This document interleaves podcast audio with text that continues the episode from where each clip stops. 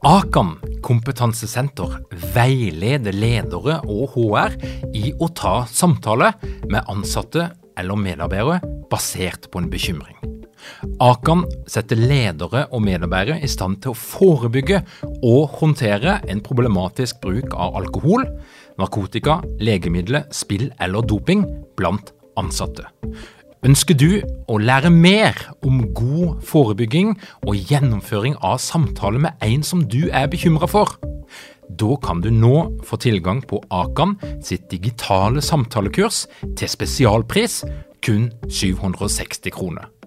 Målet med kurset er å gjøre deg tryggere i det som kan være en krevende, men viktig samtale å ta i lederrollen. Du får tilgang til kurset med å gå til samtalekurs.no, samtalekurs.no, og bruke kampanjekoden LEDERPODDEN. Tilbudet gjelder ut april. Ønsker du å lære mer? Ledernettverket er et digitalt nettverk for ledere som ønsker oppdatert forskningsbasert kunnskap, inspirasjon og regelmessig faglig påfyll for å være best mulig rusta til å lede i dag og i framtida. Som medlem får du hver måned møte en ny ekspert innen psykologi og ledelse i våre interaktive workshops. Du får mulighet til å lære av andres erfaringer og dele dine egne. I vår digitale nettverksplattform får du eksklusiv tilgang på Lederpodden live, aktuelle videokurs, webinarer og faglige diskusjoner. Les mer og meld deg inn på ledernettverket.no.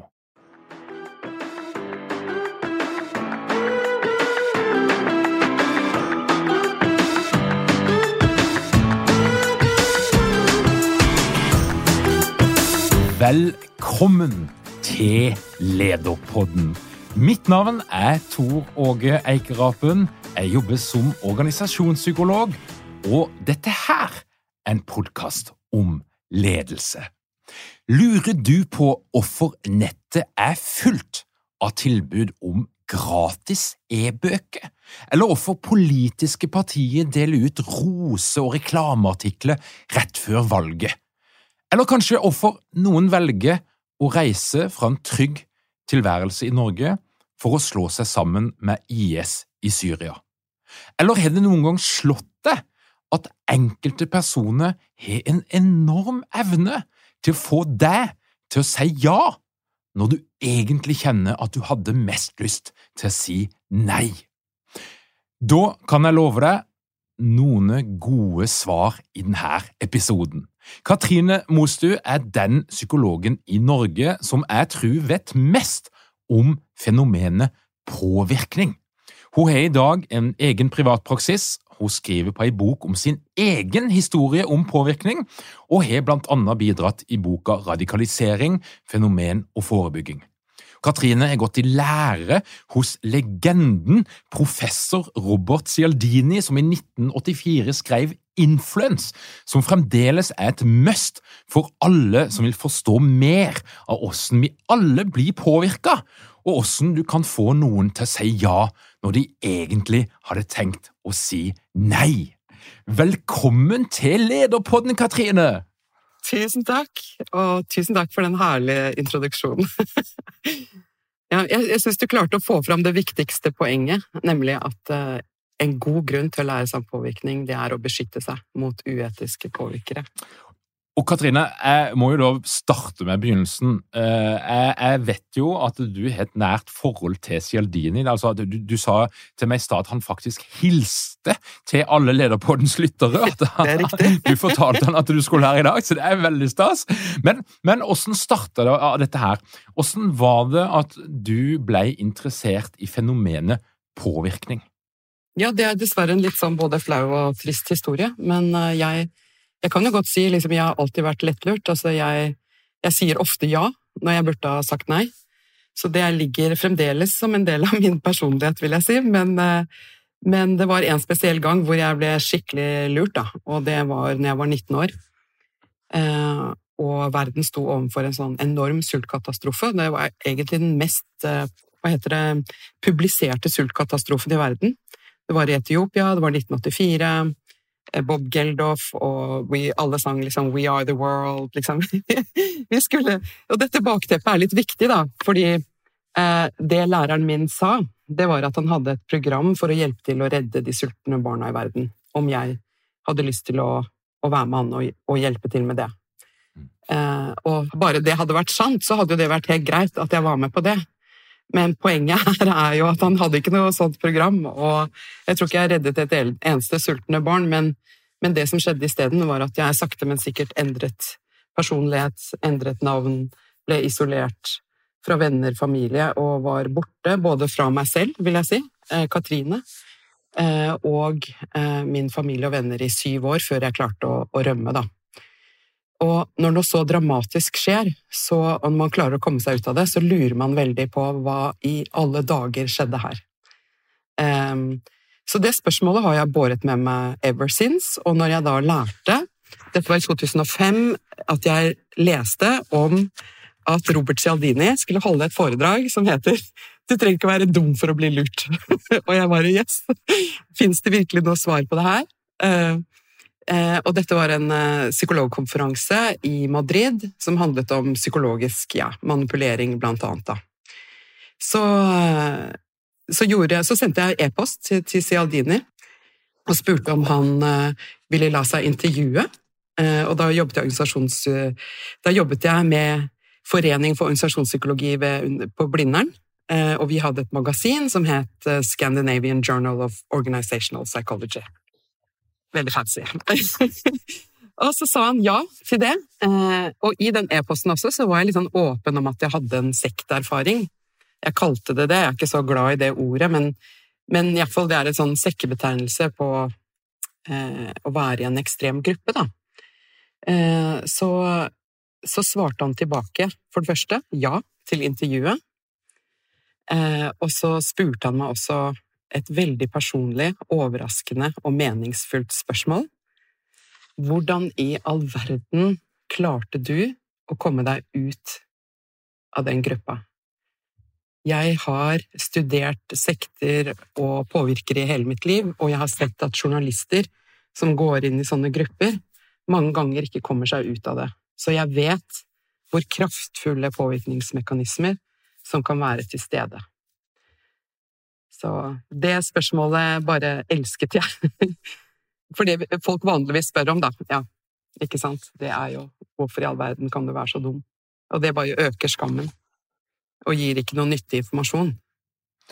Og Det er jo litt sånn av, av ditt hovedpoeng, sånn som jeg skjønner når jeg, når jeg har lest ditt, uh, ditt, bidrag i denne boka om radikalisering, det er jo at, at vi, vi, bommer lite grann når vi tenker at det er noen helt spesielle mennesker med noen helt spesielle sårbarheter mm. som kan la seg påvirke i en så ekstrem grad. Mm. Men, men, det som jeg opplever som ditt perspektiv, det er jo at det, vi, vi er alle gjenstand for påvirkning, og vi er mm. alle i stand til å bli påvirka på den ene eller andre måten, og vi blir det jo sannsynligvis hver eneste dag uten at vi helt skjønner mekanismene som ligger bak det. Ja, det er veldig godt sagt. Og nå vil jeg også bare si at det er liksom ikke noe unnskyld, jeg har en eh, spesiell sårbarhet. Det er ikke alle som er så pleasing som det er. Altså, hvis du skjønner. Men poenget er bare at min sårbarhet var ikke årsaken til det som skjedde. Det er mer enn det som ble utnyttet. Og det er en veldig stor forskjell. Hvis vi ser på Cialdini, han, han er jo, Cialdini han, denne boka den, den, blir jo mye brukt innenfor markedsføring, mm. internettsalg. altså eh, får e-poster, gjør sikkert du òg, med veldig emosjonelle historier. Mm. Det er veldig personlig retta, eh, og, og, og, der er kanskje får inntrykk av at det er noe gratis. Og så er det litt lenger ned i veien, så skjønner du at det som egentlig er intensjonen her, det er å selge et eller annet. Og jeg vet at det sånn moderne inbound, såkalt internettmarkedsføring, de bruker Cialdinis i bok som en bibel, nærmest. Mm. Pluss alle andre som driver med påvirkning. Men, men, hva er det som gjør at Cialdinis bok fra 1984 fremdeles er så aktuell og så mye brukt uh, i dag som det faktisk er?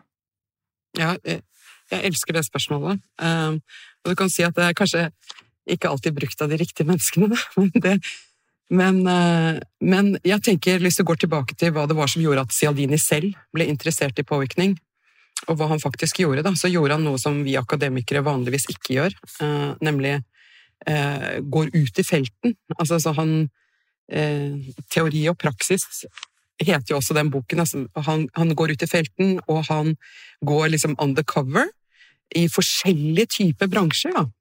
Eh, for å studere liksom mekanismer. Hva er det folk sier og gjør for å få et ja fra en annen person? Eh, og det han oppdaget, det var jo at det var en del universelle mekanismer. altså Han destillerte liksom ut det her. Og det er ikke bare det at han kom fram til at det var seks prinsipper, men mm. jeg mener at det viktigste han gjør, det er at han ser ja, det er selvfølgelig forskjeller på disse ulike gruppene. Om du er, jobber for Røde Kors, eller om du jobber i et forretningsmessig eh, firma, eller, eller for staten.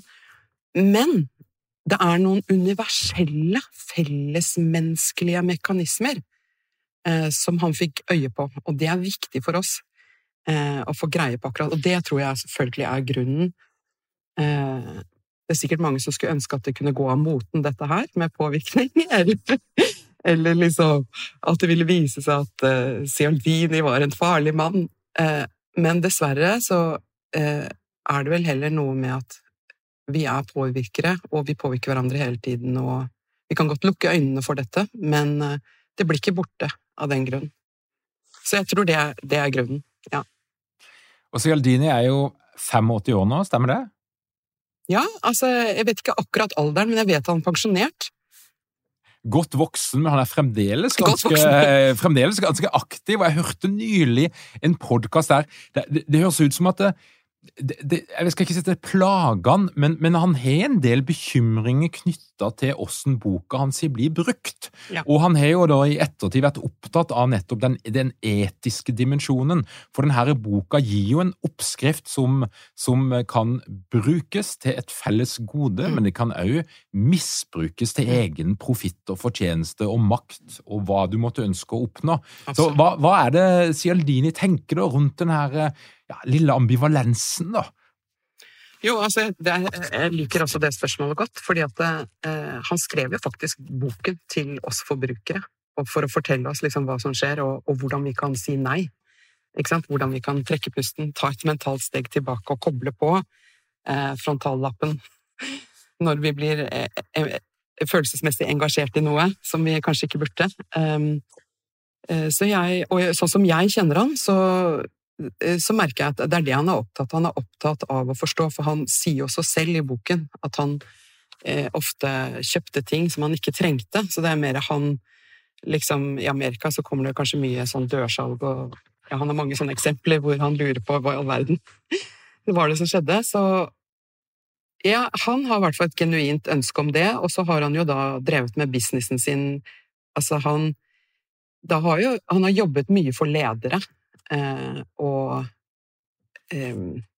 ja, og Obama, og de siste årene så har jo atferdspsykologien eh, virkelig fått vind i seilene, ikke sant, hvor eh, regjeringen i London for eksempel inviterer han til å Så han er jo med og informerer hvordan vi skal endre atferd når det gjelder miljø, andre typer tiltak, da, sånn at folk har jo fått øye på det som er det viktige at det er ikke salg og sleipinger. Det er bare Det er et veldig overflatisk fenomen, ikke sant? Mens disse prinsippene er veldig mye dypere, og kunnskapen i dem er noe vi alle kan benytte oss av. Så sånn sett så kanskje kan man tenke at først så At det tar tid, da, før gode påvirkere fikk øye opp for at de har glede av å lære seg disse mekanismene og påvirkningsprinsippene, og at vi som forbrukere, eller, eller eh, hva heter det, samfunnsborgere, faktisk vil at våre politikere eh, skal bruke de etisk forsvarlig, fordi eh, da vil de også informere oss på en bedre måte enn det som veldig ofte skjer. Ikke sant? Med, ja, det er mange eksempler å ta av. Jeg skal ta ett eksempel, ja. og det er snus, snusboksen. Ja. Eh, det så jeg nylig, at det var, det var jo da en, en antagelse, en hypotese, jeg vet ikke på hvilket grunnlag, om at hvis du bare gjorde snusboksen stygg nok, ja.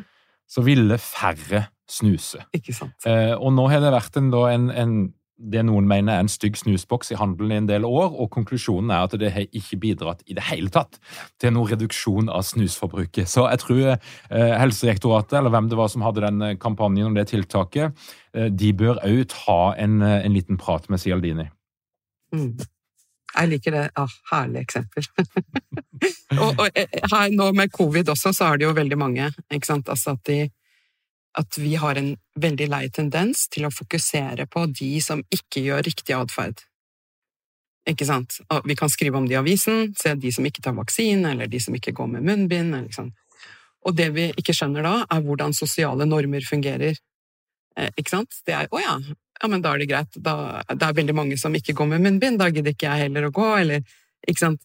Og at, at vi isteden er nødt til å eh, tenke oss om og trekke opp til overflaten hva eh, det er de gjør, de som gjør det riktige atferd. Og det gjelder spesielt når vi er usikre, sånn som i disse tidene med pandemien. Og... Så det er veldig klare råd eh, som gir god effekt, uten at det koster noe ekstra for lommeboken. Og Katrine, du har jo blitt trent opp i Cialdini sine metoder og, og, og tenkning, og mm. du har gått dypt inn i dette her. Ja. Kan vi ikke nå avsløre de seks prinsippene og, og ta de litt for oss en én etter én? ja. det kan vi gjøre. Det viktigste og det deiligste prinsippet, det er jo gjensidighetsprinsippet, ikke sant. Eh, vi gir tilbake til de som har gitt til oss, hvis du gjør en forskjell for meg, så gjør jeg gjerne en forskjell for deg. Og at jeg føler meg forpliktet også til å gi tilbake. Og det, dette er jo en drøm for alle ledere, uh, og for mennesker for den saks skyld, fordi det betyr sant, at jeg kan gi fritt av min uh, givende natur, liksom bare uten å tenke på at jeg mister tingene mine. Fordi innad i en gruppe så vet jeg da liksom at hvis jeg da har på en måte dyrket, eller gitt masse, Eh, så øker sannsynligheten da for at, jeg, at, noen vil hjelpe meg når jeg trenger det. Så det, den gylne regel ligger i dette prinsippet her. Eh, jeg vet ikke hvor stor, mye tid vi skal bruke på hvert. Nei, den, eh, den, la, la, oss gå litt inn i den. For at, ja. Hvis vi da flytter inn i vår digitaliserte verden, så, så er det jo det er jo derfor du skal få de her gratis e-bøkene. Det er jo derfor du skal få den her gratis podkasten som du hører på akkurat nå.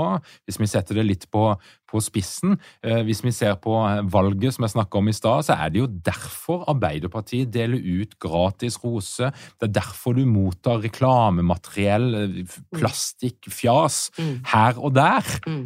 For det at eh, både praksis og forskning viser at det funker. Altså tilbøyeligheten din til å velge noen, til å kjøpe noe fra noen, eller til å mm.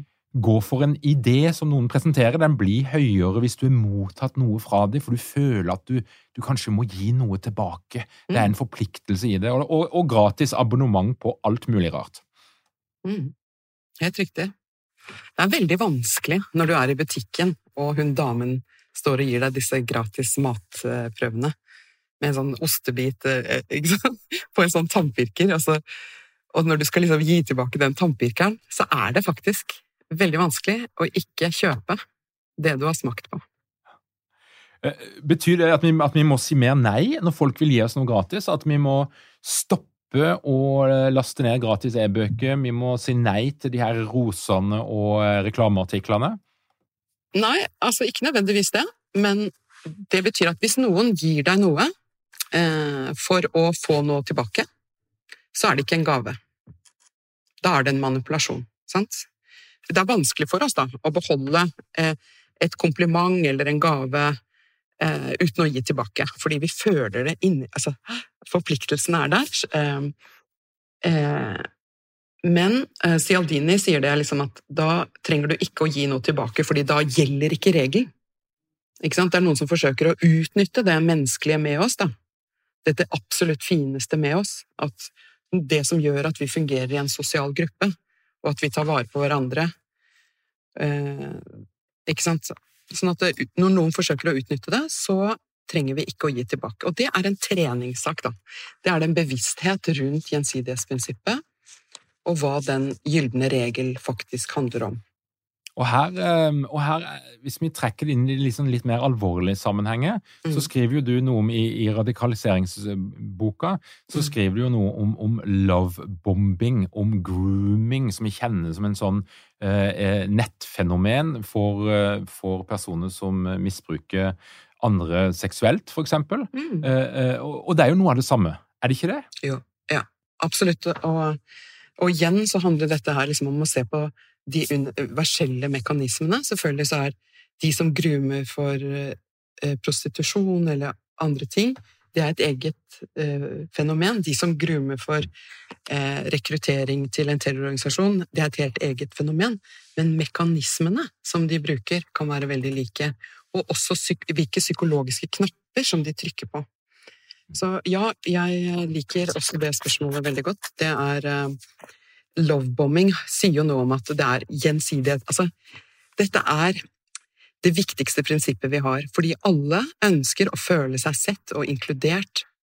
Og når du gir meg ekstra oppmerksomhet, så føler jeg meg sett og hørt. Ikke sant? Og dette er viktig for ledere, å, vise medarbeiderne eksempel at de, de, er sett, at de forstår dem, at de er villige til å forstå mer av hva som er gir mening. Men eh, da skal det jo være en ekte nysgjerrighet. Men hvis det blir brukt, ikke sant, det samme eh, Effekten er lik selv om noen jukser med prinsippet. Ikke sant? Jeg later som jeg liker deg, later som om vi har felles interesse i påvirkning.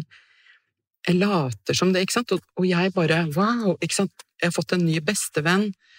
Eh, og det som skjer da, er at jeg får lyst til å gjøre en forskjell for deg. Sånn at om det da er en seksuell grooming eller en annen grooming, så så vil det gjøre meg mer åpen for å fortsette å si ja, og komme lenger og lenger inn i relasjon med deg, da. Og, og imøtekomme det du ønsker av meg. Hva har vi hvis vi ikke har tillit? Hva har vi da? Da har vi ingenting. Så det, det er derfor det er det viktigste. Men eh, ja, så da beveger vi oss til knapphetsprinsippet, helt klart. Uh, hvert fall hvis nå har du jo satt hodet mitt inn i den rekrutteringstankegangen, så um, så vil jeg si liksom at det at det haster, at noe haster, det er ekstremt motiverende mekanisme. Da. Er at vi vil ha det som er mindre tilgjengelig. Eh, da øker det i verdi. Jeg må ha det. Jeg bare må ha det, ikke sant? Det er én igjen. Eh, så det er én plass i paradis, du kan få den, ikke sant? Jeg må ha det. Så det er selvfølgelig timingen, ikke sant? fordi at det er selvfølgelig i uetisk påvirkning, så er det ikke liksom bare å si 'hei, du, har du lyst til å bli med, miste venner, familie, og redde de sultne barna', eller tro at du redder de sultne barna, men faktisk så gjør du bare det jeg vil. Eh, 'Har du lyst til å være med?' ikke sant? Ingen ville sagt ja til det hvis du hadde fått et sånt åpent spørsmål.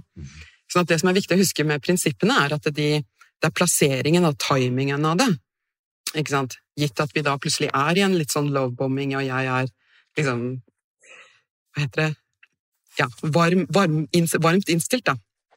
Hvis du da plutselig sier forteller at det haster eh, med å gjøre en ting, eller barna lider, eller ikke sant, det er eh, krise, eh, kan du hjelpe meg? Liksom, ja, selvfølgelig! Ikke sant, og vi må gjøre det nå. Så det, det vil jeg si at eh, knapphetsprinsippet er det viktigste. Og nå holdt jeg på å lage mitt eget spørsmål, men jeg bare jeg bare tenker på ledere, for de fomler bort dette prinsippet veldig mye. Fordi at vi, det vi vanligvis gjør, det er når vi skal bevege noen i vår retning, da, det er at vi forteller dem hva de kan vinne. Hvis du leser boken til Cialdini, så får du masse kunnskap. Men kanskje det viktigste å si, det er jo hva du går glipp av hvis du ikke leser den boken. At du kanskje ikke vil være i stand til å forsvare deg eh, mot fake news, ikke sant? Eh, kanskje blir du vaksinemotstand. Altså liksom Dette her er viktige ting mm. eh, å kunne, og spesielt Forsvaret i, i, våre dager. Det blir jo bare verre mm. eh, med, med, tanke på På grunn av informasjonsoverfloden og internett, så blir det faktisk bare verre at snarveiene våre blir utnyttet hyppigere nå enn i 1984, ikke sant? Mm. Da var kanskje jeg en litt sånn unik og sjelden mm. person, selv, selv om jeg selvfølgelig ikke var det. Men uh, i hvert fall i vår bevissthet, da. så er det mer av det nå. Og i den kommersielle verdenen så, så, så blir vi jo bombardert med dette her. Altså når jeg, jeg jobba med musikkfestival, og det er klart det mest effektive du kunne si, det var jo at det, nå er det snart utsolgt. Nå er det få plasser igjen. Mm. Um, og nå er, nå er, sjansen der, og den er helt unik. Og hvis ikke du blir med på dette her toget nå, mm. så mm. kommer du til å tape et eller annet eller gå glipp av noe fantastisk. Mm. ja, det motiverer, det. så, så det, ikke sant, det er egentlig nå, det som er litt fint å vite om de prinsippene, da, det er motivasjon. Altså, det finnes to prinsipper som er motiv mest motiverende. Og det ene er knapphetsprinsippet. At vi gjerne vil ha det som er sjeldent, unikt og vanskelig tilgjengelig. Mm. Det aktiverer oss veldig. Eh, og så er det prinsippet om indre konsistens. Det må jo bli ja, ja. Det er et spennende prinsipp. Det er et spennende ja, tema. Og det er kanskje det vanskeligste å forstå og som også er kjent som foten i døra-teknikken, eller dette med kognitiv dissonans. Og det handler om at vi mennesker, vi trenger å være konsekvente med det vi har sagt og gjort. Sant? Sånn at vi vil gjerne framstå konsekvente. Eh, og at vi kjenner det i magen eh, når eh, vi er inkonsekvente, eller hvis vi går mot våre egne verdier, da. Sånn at um, det er en intrapsykisk um, mekanisme um, som passer på at jeg forholder meg konsekvent, at ikke du ser for meg som en surrebukk eller tulling eller, eller, hva det skal være. Og måten vi blir påvirket på, da, det er at uh, hvis du får meg til å si ja til noe lite, så øker sjansen for at jeg også sier ja til noe større som er i tråd med det jeg allerede har sagt ja til.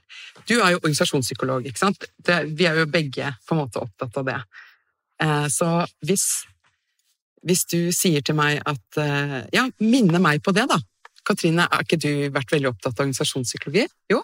Ja, da har du kanskje ikke noe imot å være med på Lederpodden? Ja, nei. Da har du aktivert indre konsistens. Er du med på det? Da blir jeg altså veldig motivert til å være med.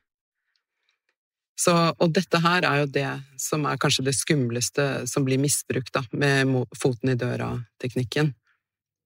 Mm. Så eh, når jeg ser på deg nå, så skal jeg fortsette å, å snakke.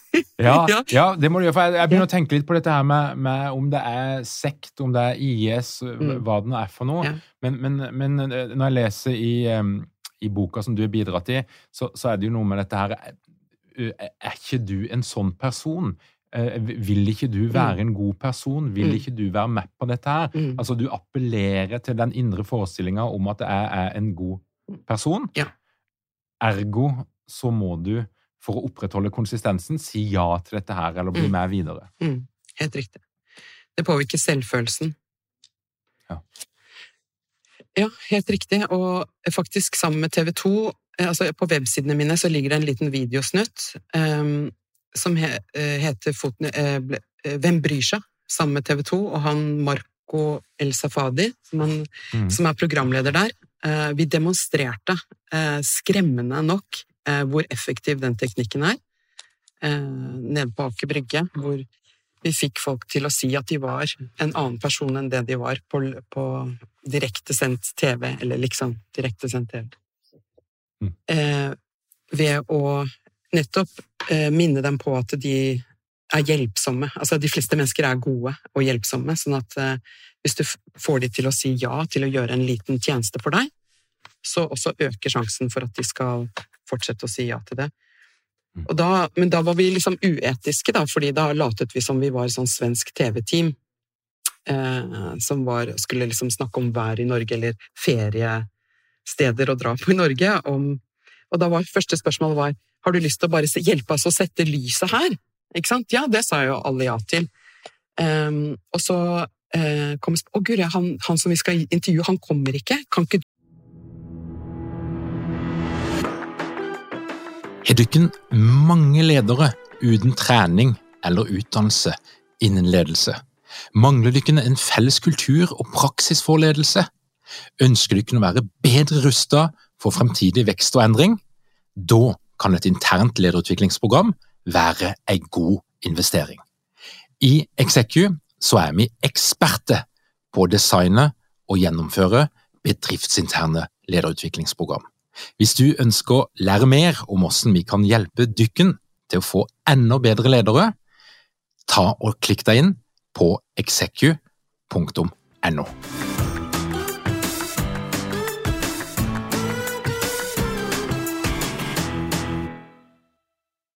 bare svare veldig kort på noen spørsmål, eh, og da, da ser du det er, det er helt utrolig, for du ser hvor vondt det gjør. Du ser den kognitive dissonansen, men også hvordan de ikke kommer seg ut av det. Så de ni av ti sa ja. Og så begynner du intervjuet. Ja, du er jo Per Gudmundsson, er du ikke? Eh, jo. ikke sant? ja. Hvor er det svensker skal dra på ferie i Norge? Altså, det, det var så vondt å se på. Um, ikke sant? Men så enkelt er det, og jeg tror at vi har en naturlig motstand til å forstå mm. disse mekanismene. At det skal være så lett, ikke sant? og så skummelt. Mm. Uh, ja, nei, jeg anbefaler alle å se den, eller lese boken til Cialdini. Så, er, det, er, det, det samme som skjer når du, når, du, når du, sier ja til et type prøveabonnement eller et eller annet som er gratis? Ja, ja. Eh, eh, også, hvordan mm. funker det? Jeg er glad for at du bruker akkurat det eksempelet, fordi at det nå i disse dager det er så lett å si sånn De gjør det så lett Abonnementer, for eksempel. Eh, mm. det bare, de gjør det så lett for deg. Bare trykk her, ikke sant? Én krone, eller eh, Og så trykker du der, og så kommer du deg ikke ut av det. Mm. Det er skikkelig sånn Hotel California, så you can check in anytime you like, mm. but you can never leave. Så i forhold til det spørsmålet du hadde i sted, da, skal vi si nei til gaver? Uh, og egentlig ja, hvis ikke du Jeg tenker egentlig ja. og så også nei til sånne enkle ting som virker enkelt på nett. Uh, det er ikke alltid like lett å komme seg ut av det.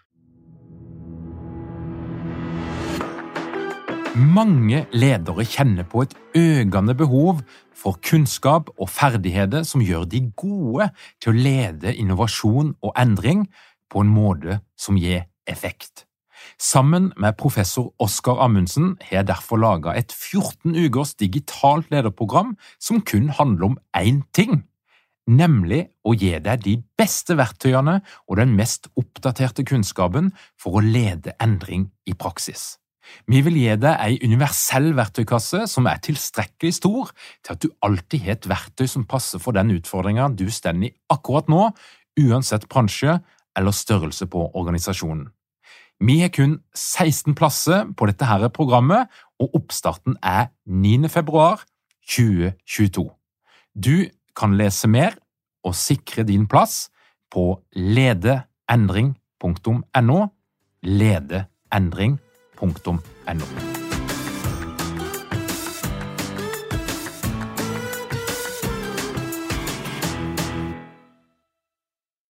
Og da, da, begynner jeg å liksom skjønne litt, for at jeg, jeg, jeg, har hatt noen episoder med, med, litt sånn båttrøbbel, og der ble vi en gang henta av Redningsselskapet, mm. og, og, det medlemskapet der, det, det, det er viktig. Men, men, de ringer stadig og ber om mer. Mm. Og, og, da merker jeg at det, det, er vanvittig vanskelig å si nei mm. når jeg først på en måte er liksom inne og har gjort meg opp en mening om at det er noe jeg støtter. Mm. Så, så, når den kalenderen kommer, og så er det noen andre greier, mm. mm. så, så, er et lett bytte, da. Ja, veldig.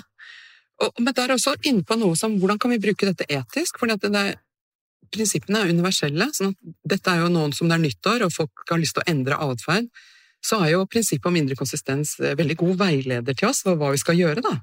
Mm. Ikke sant? Altså Mange som legger ut på Facebook eksempel 'nå skal jeg gjøre sånn og sånn'. Altså Når du gjør noe offentlig, eh, aktivt, offentlig og frivillig, eh, så øker faktisk sjansen for at vi lever opp til det. Ja. Eh, og for ledere også så, eh, er jo kanskje viktig å, hvis de ønsker å bevege folk i en spesiell retning, mm. at de minner dem på hvem de er, hva de allerede tror på. Hvis du har felles verdier i et selskap, trekk det opp til overflaten, mm. og informer til endring mm. med å bruke prinsippene på en god måte, da. Det er klokt å gjøre. Og det, det, forklarer jo hvorfor det kanskje det er, det er, mange ting som forklarer det, men, men hvorfor en del bransjer sliter med rekruttering i dag. Fordi at uh, vi snakker om bærekraft, vi snakker om det grønne skiftet, og hvis du jobber i en virksomhet mm. som signaliserer noe helt annet, så vil du kunne få da, en kognitiv dissonans hvis du sjøl opplever deg som en person som er opptatt av den type verdier. Mm. Kanskje i større grad enn før, på det at oppmerksomheten er så stor på det. Helt riktig. Så, og da gjelder det for lederen i en sånn bedrift å, å bruke autoritetsprinsippet eh, og innrømme den svakheten eh, først. Sant? Altså at jeg har endret meg, eller sånn, jeg har tatt feil. Ja. Eller før hadde vi disse verdiene, men vi ser at det ikke er bærekraftig. Mm. Eller, ja. Og det er også noe vanligvis ikke ledere gjør så mye av, da. Mm. Eh, å innrømme feil, eller innrømme sårbarheter, eller for så å komme med sitt beste argument. Selvfølgelig så skal, skal man jo ikke da det er jo viktig med en troverdig leder, så det er klart at man ikke skal stå sånn og snakke om alt som er feil, og snakke seg selv ned, det er ikke det jeg mener, men Mm. autoritetsprinsippet sier at den mest effektive lederen er også den troverdige lederen. Mm. Eh, og det betyr eh, at eh, man er transparent, eh, og at veldig ofte når noen ikke har tillit til deg, når det er null tillit i situasjonen, eh, så eh, kan du vekke troverdighet ved å snakke om elefanten i rommet. Mm. Ja, det er fantastisk, og det, det, det, det er det litt for få som gjør. Altså, det, er, det er litt for mange ledere som lar elefantene være der. Mm. Altfor lenge. Mm. Enten så ser de det ikke, eller så tør de ikke, eller så tror de at det, ingen har skjønt det. Men, men spesielt i endringsprosesser så opplever jeg jo at det er vanvittig med temaet som folk snakker om, men de blir aldri adressert av ledere eller tatt opp på en ordentlig måte. Det er trist. Det er trist. Ja, det er det. Mm, Ikke sant? Og det er ubevisst. Ikke sant? Og går det an å si kunnskapsløst? Liksom. Ja, altså ehm, Det er nok eh, evidens Altså, den sitter hardt, men jeg skal innrømme selv. Altså, dette og for, for eksempel for meg å, å holde på med boken min og skrive om noe som er så pinlig og så eh, smertefullt, egentlig. Det er klart, det tar skikkelig langt Det, er, det sitter langt inne for meg. Eh, jeg vil helst bli sett på som smart. Ikke sant? Det er liksom um, Men det er en vinn-vinn, at jeg gjør den jobben. eh, At jeg tør å, å se på det som har, har skjedd, og at det er sant. Og jeg kan hjelpe andre med den kunnskapen Mm. ved å tørre. Og sånn er det for ledere generelt også. Mm. At vi trenger at de er ærlige. Mm. Og autoritetsprinsippet, sånn, sånn som Cialdini beskriver altså, Hva handler det om? Sånn, hva, hva er det vi leter etter mer, mer eller mindre ubevisst, egentlig? Ja, ja, vi er usikre. Det å være et menneske generelt, og liksom i våre dager, med pandemi, så er vi ekstremt usikre, men vi er nesten alltid det når vi skal velge noe. Ikke sant? Sånn at vi leter etter Vi har nemlig Det som skjer når vi er usikre inni oss selv, det er at vi bare Vi ser, vi ser ikke noe selvtillit der inne. Så da ser vi utenfor oss selv etter svar. Vi ser mot ledere spesielt, ikke sant? Mot eksperter. Men vi ser også mot våre kollegaer og venner. Og disse to snarveiene, det er så viktig å være klar over. Fordi eh, når lederen da skal eh, Sånn som Nakstad er jo et godt eksempel. Ikke sant? På en troverdig leder som har klart å, å veilede det norske folk gjennom en stor usikkerhetstid. Uh, og i hvert fall i starten, nå er jeg litt sånn usikker på hvordan han ligger an på, på det skalaen nå, men iallfall i starten så var det sånn at vi var så villige til å gjøre og endre atferd eh, fordi vi trodde på ham. Og i tillegg så ser vi på kollegaene våre, alle hadde på munnbind, alle hadde distanse, liksom, og da, da blir det lett for oss. Og dette er jo egentlig noe fryktelig vanskelig for oss å gjøre, å begrense vår egen atferd og ta på munnbind, noe som er så ubehagelig. Og... Så, så det er et perfekt eksempel på godt lederskap. Da hadde de riktig leder på riktig sted. Og det er også en annen viktig ting for ledere å, å vite, er at noen ganger så har de et viktig budskap de skal si til sine medarbeidere, kollegaer, men de er kanskje ikke den rette personen til å uttale det, eller si det, fordi de har ikke den type troverdighet da, i forhold til temaet. Så det er en viktig ting ledere tenker på. Liksom, hvem er det som er mest potent, eller den viktigste rollemodellen når det gjelder akkurat dette? Og der er det noen som har tenkt noen gode tanker når det, når det gjaldt å, å, sette Nakstad på jobben. Det, det er et prakteksemplar i forhold, i forhold til det.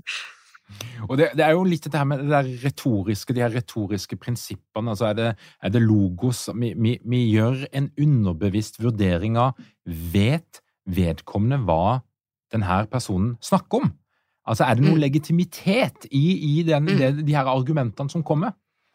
Ja, riktig. Og der har du også inne på det hvordan kan vi beskytte oss mot falske nyheter eller falske autoriteter.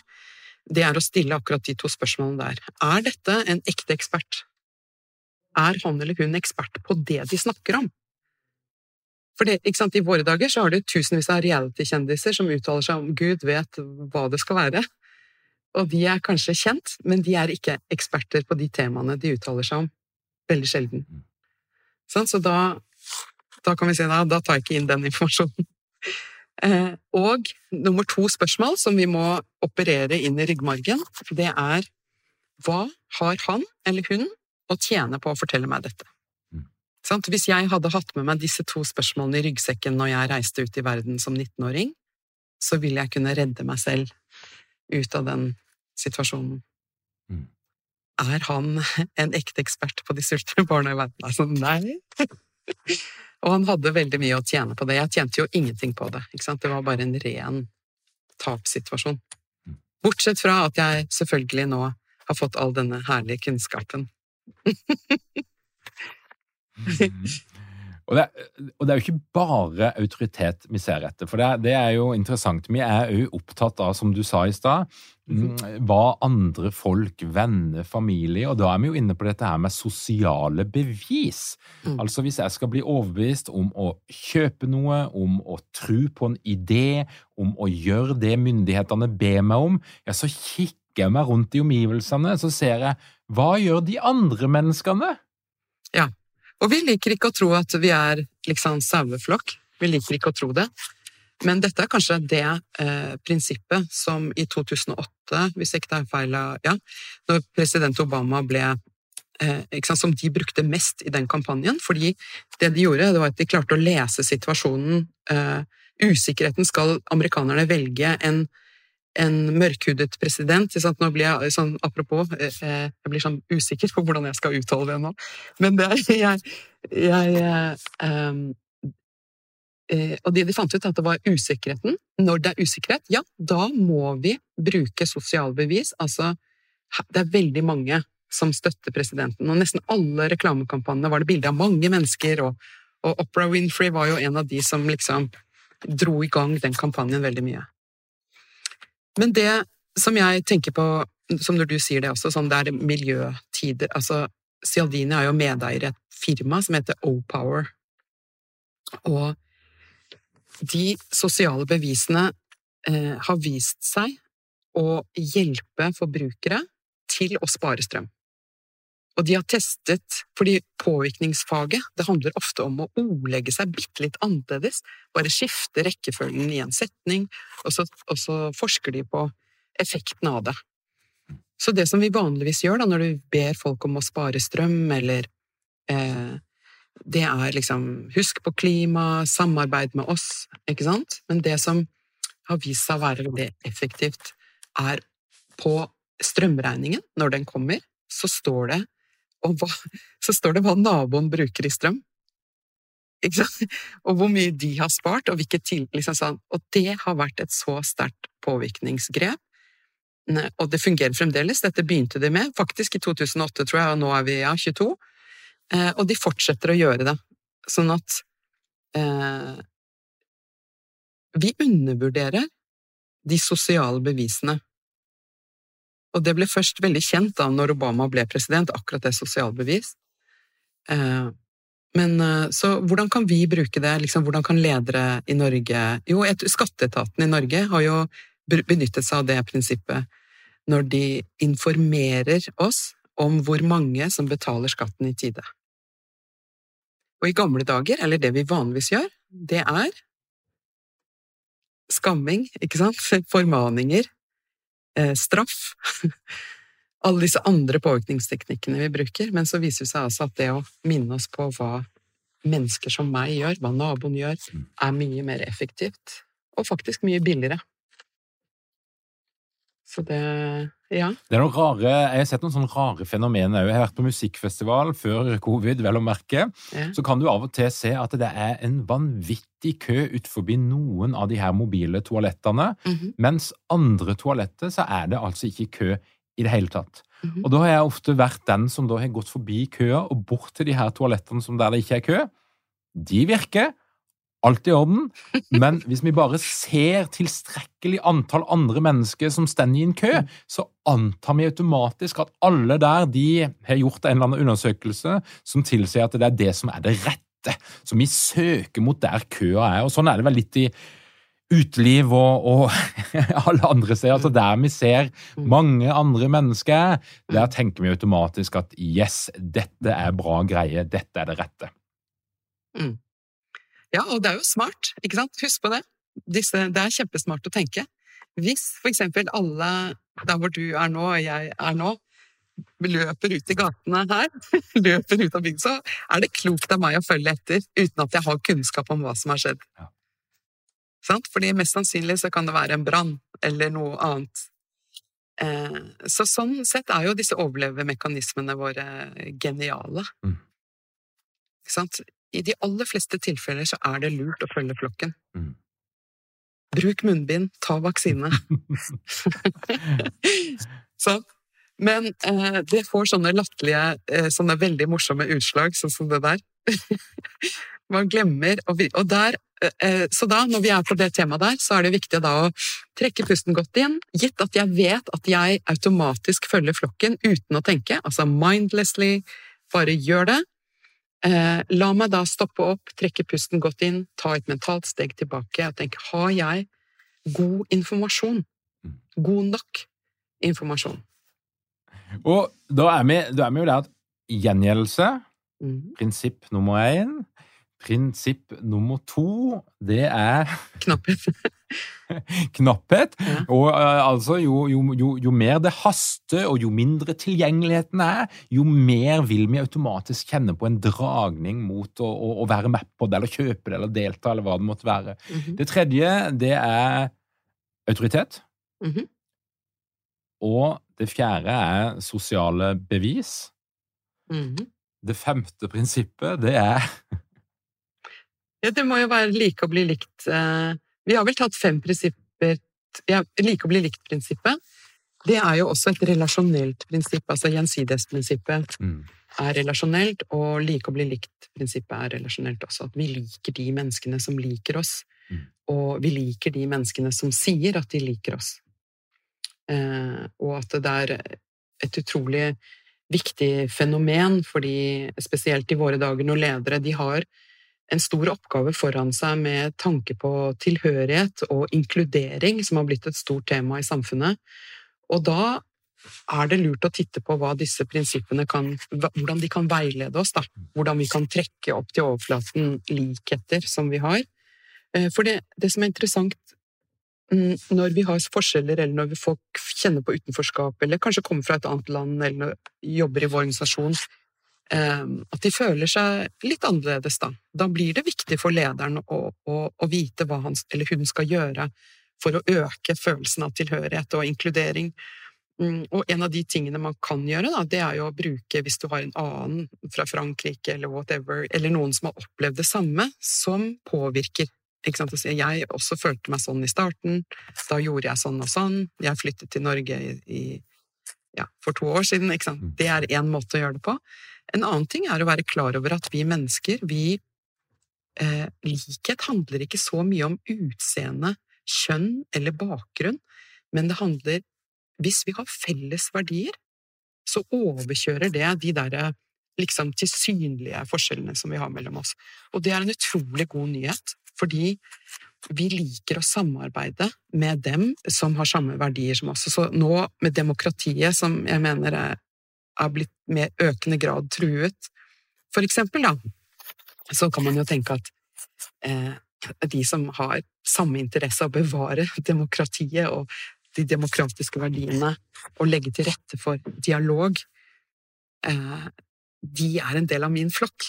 Mm. De ligner på meg. Eh, de vil jeg gjerne hjelpe å være sammen med og samarbeide med. Så det er jo en måte å tenke på, da. Mm. At, eh, og en annen måte jeg liker eh, å tenke på det prinsippet, er at jeg ofte kan bli reaktiv og fordomsfull mot andre. Jeg vet ikke om du har kjent på det noen ganger? At, Oh, yes. du tenker liksom yes. Jeg bare, Han der liker jeg ikke, liksom. Og, så, og da er jeg nødt til å også trekke pusten godt inn og ta et mentalt steg tilbake og lete etter For eksempel, jeg kan le, hvis, lete etter hva jeg liker med han, fordi det fins alltid en fin ting å si om andre mennesker. Mm. Eh, hvis jeg bare beveger meg opp i frontal cortex og leter etter hva det er jeg kan like med han eller henne, så blir det også veldig mye lettere for meg å samarbeide med dem. Mm. Er du med på det? Ja, og, eh, absolutt. Og jeg tenker denne liking-effekten, den er jo Det er jo en feilkilde som, som kanskje skaper en del trøbbel på den måten at vi rekrutterer folk. altså Det er mye forskning som viser at vi rekrutterer folk som vi liker på grunn av noen, en sånn følelse av, av likhet. Eh, vi har jo en tendens til å orientere oss mot mennesker som, som viser at de liker oss. Mm. Så det er jo derfor smisking Mm. opp til en viss eh, grense, kanskje, Mm. funker ganske godt. Ja, ja. Um, Det funker på meg. Ja, og det blir, og det blir eh, noen som blir lederens eh, favoritt. Mm. Um, og det kan av og til føre til forskjellsbehandling. Sånn at hvis du har en personlighet som, som gjør deg litt mindre likbar Mm. rent sosialt, Mm. så kan det ødelegge for deg, selv om du egentlig gjør en fantastisk jobb og har de rette kunnskapene og alt det som skal til. Mm. Ja, ja. Dette er viktig, ikke sant? og da, da er det jo råd både for den personen Hvis man vet at man har et eller annet da, som ikke nødvendigvis er sånn umiddelbart likende, Mm. så kan man jo selv gjøre en innsats eh, proaktivt ikke sant? for å like andre, og vise fram hvilke verdier du har, for eksempel, som øker sjansen for at de liker deg. Eh, men en annen ting er at eh, når eh, mm, Som jeg tenkte på med det system 1 og system 2, fordi at det er veldig mye snakk om ofte når det er snakk om prinsippene til Cialdini, å ja, det er liksom bare sånn snarveitenkning, det er bare de subkortikale områdene i hjernen, liksom. Eh, ja, eh, de fungerer der, men de fungerer også her. Eh, ikke sant? Det er bare litt Det bare krever litt mer arbeid for oss mentalt å gå fra 'æsj, jeg liker ikke deg' til hm, hva er det jeg liker? Ikke sant? Du kan nesten kjenne reisen fra hjernestammen og opp til cortex ikke sant? med å stille et sånt spørsmål. Du kjenner at det begynner å knake litt inni der. Altså, det er dette vi kaller tenkning. Mm. Ikke sant? Og det er når vi er bevisst på mekanismene, bevisst på prinsippene i system 2, de, de er fremdeles like gyldige, og fremdeles like viktige. Eh, at vi blir dem bevisst, og både med å påvirke oss selv og påvirke andre. Mm. På en god og effektiv måte, da. Mm. Så det Det er, det er fantastisk, eh, for at vi lever jo i en verden der vi blir så utsatt for de her prinsippene hele tida. Så jeg tenker jo at eh, hvem som helst kan sette seg ned og kjenne igjen dette her. mm, Og det, det er jo den eneste måten å få litt kontroll på det òg. Mm. Sånn at eh, av og til så er det jo greit å si at jeg, jeg, jeg lar meg påvirke, og det er ok. Yes. Men i noen sammenhenger og i noen relasjoner så skjønner du ikke helt hva som skjer. Nei. Du merker, merker bare at du blir dratt i en eller annen retning som du egentlig ikke vil. Og da tror jeg det er et poeng å forstå hva er det egentlig som skjer her. Du trenger ikke å være dum for å bli lurt. Eh, Det er en veldig, veldig bra overskrift. Tusen takk til Cialdini! Men Ja. Katrine, du eh, er i et bokprosjekt. Boka har arbeidstittel 'Hvem var Roxy'? Ja. Er det riktig? Det er riktig. Og eh, jeg regner jo med at der vil du gå enda eh, dypere i din egen historie og koble det på litt Mm, påvirkning som et psykologisk fenomen. det er riktig. Mm, absolutt.